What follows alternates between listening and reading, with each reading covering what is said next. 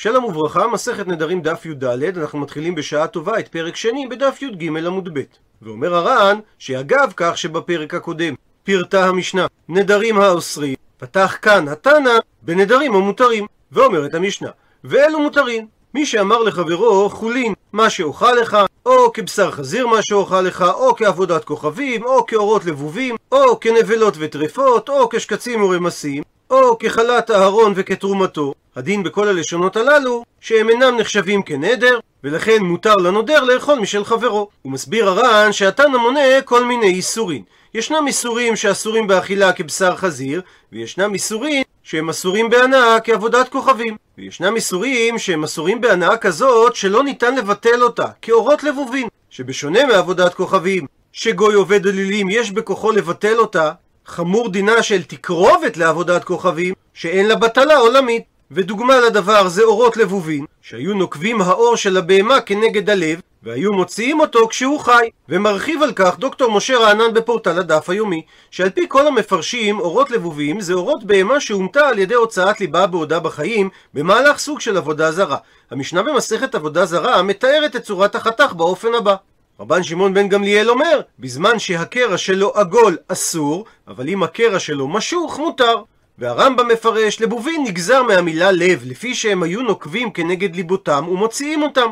ודרך המתה זו עדיין קיימת גם בימינו, אם כי כנראה לא לשם עבודה זרה. כמו שמתאר צור שיזף בכתבה על מסע דרך מונגוליה ברכבת הטרנס-סיבירית. נוודים שהורגים כבשים על ידי חתך באזור הלב, מכניסים יד, לוחצים על אבי העורקים, ואז עוקרים את הלב. ובנוסף לכך, התנא מונה גם איסורים שאסורים באכילה בלבד, ויש בהם טומאה כנבלות, וגם איסורים שטומאתם חמורה אפילו בגודל של כעדשה, כדוגמת שקצים ורמסים. וגם אם הוא אמר לחברו שמה שאוכל לך יהיה כחלת אהרון וכתרומתו, דהיינו כמו הפרשת חלה, או כמו תרומה שמפרישים מהתבואה, ואף על פי שחל איסור על ידי קריאת שם, זה לא נקרא הדבר הנדור, שהרי הפרשת חלה ותרומה אסור לזרים ומותר לכהנים. וזה ודאי לא מחמת נדרו של האדם, שהרי כשהפרישן הוא לא פירש שזה יהיה מותר לאלה ואסור לאלה, אלא ודאי הסיבה שזה אסור לזרים, מחמת איסור שהטילה התורה עליהם. והמכנה המשותף בין כל הדברים שמנה התנא, שאין מדפיסים בהם, משום שצריך להדפיס בדבר הנידור, ולא בדבר האסור, כפי שתסביר הגמרא בעמוד הבא. ולכן הדין יהיה, הרי זה מותר, שאפילו עם הארץ שנדר בלשון כזאת, אין צריך פתח להתרת הנדר, אלא הנדר מותר מאליו. מה שאין כן, האומר לאשתו, הרי את עליי כאימא. ואומר הר"ן, שיכלה המשנה לנקוט שהוא אומר לאשתו, שהיא אסורה עליו גם בשאר איסורי הנאה, כעבודת כוכבים ועורלה וכלי הכרם. אלא שנקט התנא דווקא את הלשון שאת אסורה עליי כאימא, כי ככה הרוויח התנא שני ציפורים במכה. שדבר ראשון, לומדים מכך שפותחים לו פתח ממקום אחר כדי שלא יקל ראשו לכך, שלמרות שהוא הדפיס בדבר האסור ולא בדבר הנידור, ולכאורה הנדר לא היה צריך התרה שהרי הוא לא חל, בכל זאת, בעם הארץ מדרבנן, צריך פתח כדי להתיר את הנדר, מפני שדרכו של עם הארץ לאסור את אשתו מתוך הקפדה. ואם נתיר לו את הנדר גם בלא פתח, דהיינו ללא צורך ללכת לחכם כדי שיתיר לו את הנדר, אז יש חשש שבפעם הבאה שהוא יקפיד על אשתו, הוא ידפיס אותה לא בדבר האסור, אלא בדבר הנידור, כגון שיגיד לה, הרי את עליי כקורבן. ולכן החמירו עליו שהוא צריך התרה. מה שאין כן, שאר הנדרים שהוזכרו בתחילת המשנה, הם מותרים לגמרי, ולא צריך להתיר אותם אצל חכם, מהסיבה שהם אינם מצויים כל כך, ולכן לא גזרו בהם. והסיבה השנייה, מדוע נקט התנא דווקא את הדוגמה של הרי עלי כאימא, כדי ללמד אותנו שאת הפתח להתרת הנדר פותחים ממקום אחר, ולא בכבוד אמו, כלומר, לא אומרים לו, אילו היית יודע שלא יהיה כבוד לאמך בכך, לא היית נודר. והסיבה לדבר, כדי שלא נבוא לחלק ולומר, שרק בנדרים דאורייתא לא פותחים בכבוד אביו ואמו, אבל בנדרים מדרבנן כן פותחים בכבוד אביו ואמו. הוא מדייק את הגמרא, שוודאי הסיבה שהתחילה תנא בדוגמה חולין מה שאוכל לך, זה לא כדי לומר לנו את הדין הזה עצמו, שהרי פשוט שבמקרה כזה הוא מותר, אלא בהכרח שהתנא רצה שנדייק מלשון המשנה ונאמר, תמה דאמר דווקא בגלל שאמר הנודר לשון חולים שאוכל לך, לכן הנדר לא חל ומותר לה לא לאכול משל חברו. אה, אם הוא אמר עם האות למד, לחולין שאוכל לך, אז המשמע מדברה, לא לחולין לי הווה, מה שאוכל ממך לא יהיה חולין, אלא קורבן. ואם כך שואלת הגמרא, מאני מתניתין? כשיטת מי משנתנו? שהרי אי המשנה שלנו היא כשיטת רבי מאיר, הכבר למדנו שלית לרבי מאיר מכלל לאו הפכנו דף אתה שומע הן, כפי שלמדנו בדף י"א מתנאי בני גד ובני ראובן. כי לפי רבי מאיר, מתייחסים רק למה שהאדם אמר במפורש, ולא לדברים שאנחנו מסיקים מתוך דבריו. ואלא תאמר שהמשנה שלנו היא כשיטת רבי יהודה, אבל אם כך קשה, היינו רישא. דהיינו, משנה קודמת בדף י', שהיא נקראת רישא באופן יחסי למשנה שלנו, כבר השמיע לנו את דעתו של רבי יהודה, שמי שאמר לחולין שאוכל לך, מסיקים מתוך דבריו, שמה שאוכל לך לא יהיה כחולין אלא כקורבן. ומדוע צריך לחזור ולהשמיע לנו את זה גם במשנה שלנו? מתרצת הגמרא, איידה דקטני, אגב זה ששנתה המשנה לשונות נוספים שבהם לא חל הנדר, כדוגמת כבשר חזיר, כעבודת כוכבים, לאחי קטני, לכן שנתה המשנה גם את הלשון חולין. כלומר, מסביר הר"ן, מלשון המשנה, חולין שאוכל לך, אין לדייק שאם אמר לה חולין, אז זה נדר, כי מכלל לאו אתה שומע אין, כי המשנה אמרה את הדין הזה רק אגב כך שהיא מנתה את שאר הלשונות. תירוץ נוסף, רבינה אמר, הכי קטני. כך צריך לקרוא את מה שכתוב במשנה, שהמשפט הראשון הוא לא מקרה, אלא כותרת, ואלו מותרים כחולין, נקודותיים, ואז המשנה מפרטת כבשר חזיר, כעבודת כוכבים. מקשה הגמרא על תירוצו של רבינה, והיא לא תנא חולין, אם המשנה לא הייתה אומרת את הכותרת הזאת, שכל הלשונות שהמשנה מונה הם כמו חולין, אז הווה אמינא, אז האם הייתי חושב לומר ביי שאלה, שמדי רבנן הנודר צריך להישאל לנדרו? ומי איכא לעסוקי על דעת האחי? והאם יעלה על דעתך לומר כך? ודאי שלא, שהרי המי דקטני סיפא, מזה שהמשנה בסופה אומרת, האומר לאשתו הרי את עלי כאימא, שהדין שפותחים לו פתח ממקום אחר, אז מזה ודאי ניתן לדייק מכלל דרישא לא באי השאלה, שכל הלשונות שנשנו ברישא הם מותרים מעליהם, ולא צריכים מטרה מדי רבנן. ואם כך חוזרת השאלה, מדוע אמרה המשנה ואלו מותרים כחולין? אלא דוחה הגמרא את תירוצו של רבינה, ואומרת מחברתא, שברור שצריך לתרץ כמו התירוץ הראשון, חולין ממילא נס בה. שלא מדובר על כותרת, אלא מדובר על לשון פשוטה שנשנתה אגב שאר הלשונות. ממשיכה הגמרא ושואלת, מנענה מילי, מה המקור לך שמי שמדפיס בדבר האסור, הנדר לא חל? עונה הגמרא, אמר קרא, שכתוב בפסוק, נקרא בפנים, איש כי ידור נדר לאדוני, או הישב השבועה לאסור איסר על נפשו, לא יחל דברו, ככל היוצא מפיו יעשה. והפסוק יכול היה לומר, איש כי ידור לשם, ומעיטור כפל הלשון ידור נדר, לומדים שאין הנדר חל, עד שידור בדבר הנידור. שהרי האדם משווה בין דבר שיש עליו איסור לדבר שאין עליו איסור. אז ברור שההשוואה הזאת צריכה להיות כלפי דבר שהוא אסור מכוח נדר שיש עליו. אבל היא הכי, אם כך שואלת הגמרא, אז אפילו בדבר האסור נמי. יהיה ניתן להדפיס גם בדבר האסור שלא על ידי נדר של האדם. דאקטיב, שהרי כתוב בהמשך הפסוק, לאסור איסר על נפשו. וגם כאן יש ייתור לשון, שהרי התורה יכלה הייתה לומר לאסור על נפשו. דוחה הגמרא שמהמילים לאסור איסר, מבא אלה ליכדתניא. לומדים את הלימוד שבברייתא הבאה, שאותה כבר שנינו בדף י"ב, זהו איסר האמור בתורה, אפילו מי שמדפיס את הנדר, בדבר שהיה אסור בנדר רק כלפיו ולא כלפי אחרים. הוא מסביר הר"ן שכיוון שניתן להעמיד את הפסוק לאסור איסר כפי הדרשה של הברייתא, אז מסתבר לומר כמו הברייתא, ולא כמו ששאלה הגמרא, שאולי נלמד שאפשר להדפיס גם בדבר האסור. משום שמסתבר לומר שמי שמדפיס בדבר האסור, לא יחול על זה הנדר. שהרי נוח לי להבין שמי שמדפיס בדבר הנידור, שהוא אומר כיכר זה עליי בנדר וקורבן, אז בסופו של דבר הוא הדפיס על ידי נדר אחר.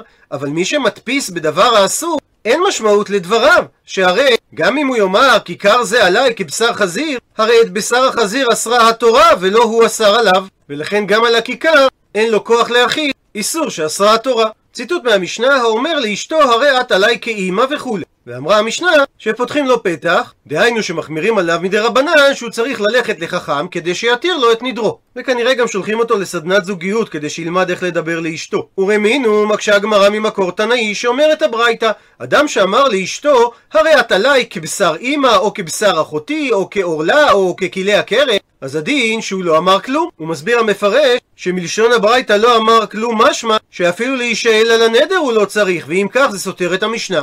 מביאה על כך הגמרא שתי תשובות. תשובה ראשונה אמר אביי, שלשון הברייתא לא אמר כלום, הכוונה מדאורייתא, שהואיל והוא נדר בדבר האסור, הנדר מדאורייתא לא חל. אבל מכל מקום, וצריך שאלה מדרבנן, שחכמים החמירו עליו שהוא צריך להישאל אצל חכם על נדרו, כדי שלא יקל את ראשו בכך להבא.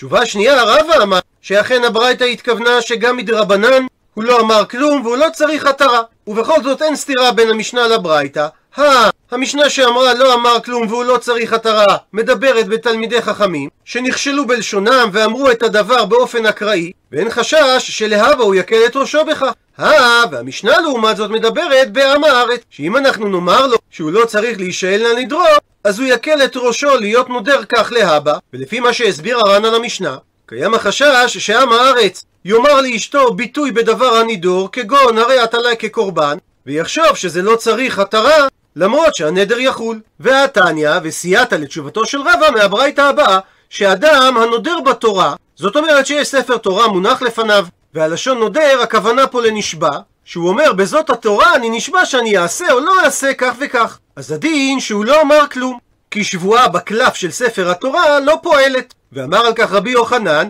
בכל זאת, וצריך שאלה לחכם, מהסיבות שהגמרא תביא בעמוד הבא. והוסיף ואמר על כך רב נחמן, שרבי יוחנן לא התכוון שכולם צריכים שאלה על נדר כזה, כי ותלמיד חכם אינו צריך שאלה. וזו סייעתא לתשובתו של רבא, שגם הוא חילק בין תלמידי חכמים לבין עמי ארצות. הפכנו דף, ומביאה הגמרא את דברי הברייתא בשלמותם, תניא. דין ראשון, הנודר בתורה לא אמר כלום. וכפי שהסברנו, הלשון נודר הכוונה לנשבע, ומדובר שהייתה תורה מונחת לפניו, והוא אמר, בזו התורה שאני לא אעשה או שאני כן אעשה דבר פלוני. אז הדין שאין השבועה חלה, כי הוא מתכוון להישבע באור של ספר התורה, כפי שתסביר הגמרא בהמשך. דין שני אומרת הברייתא, שאם הוא אמר במה שכתוב בה, במקרה כזה דבריו קיימים. ודין שלישי אומרת הברייתא, אם הוא אמר גם בה וגם במה שכתוב בה, גם אז דבריו קיימים. עד לכאן לשון הברייתא, ושואלת הגמרא, קטני, הרי כתוב בברייתא, בדין השני, שאם הוא נשבע במה שכתוב בה, דבריו קיימים. אז את הדין השלישי, שהוא נשבע בה ובמה שכתוב בה, צריך למימר? הרי ברור שבמקרה כזה דבריו קיימים. ומביאה על כך הגמרא שלוש תשובות. תשובה ראשונה אמר רב נחמן, לא קשיא, הא, בספר של הברייתא מדובר, דמחתא אורייתא אערא, שספר התורה מונח על הארץ, ובסוגריים נאמר שכמובן אין הכוונה שספר התורה מוטל על הרצפה בביזיון, אלא הכוונה שהוא לא מחזיק את ספר התורה בידיו. ולעומת זאת, ה... ברישא ובאמצע של הברייתא מדובר, דנקית לה בידי, שהוא אוחז את ספר התורה בידיו. כי המיקום של ספר התורה משפיע על הבנת הלשון שבה נקט הנשבע. שכאשר ספר התורה מחתא על ערא מונח על הארץ, אנחנו מפרשים שדעתי הגבילה דעתו של הנשבע, אם הוא לא פירש אחרת, להישבע בקדושת גבילי ספר התורה. מה שאין כן כאשר נקט לה בידי, כאשר הוא אוחז את ספר התורה בידו,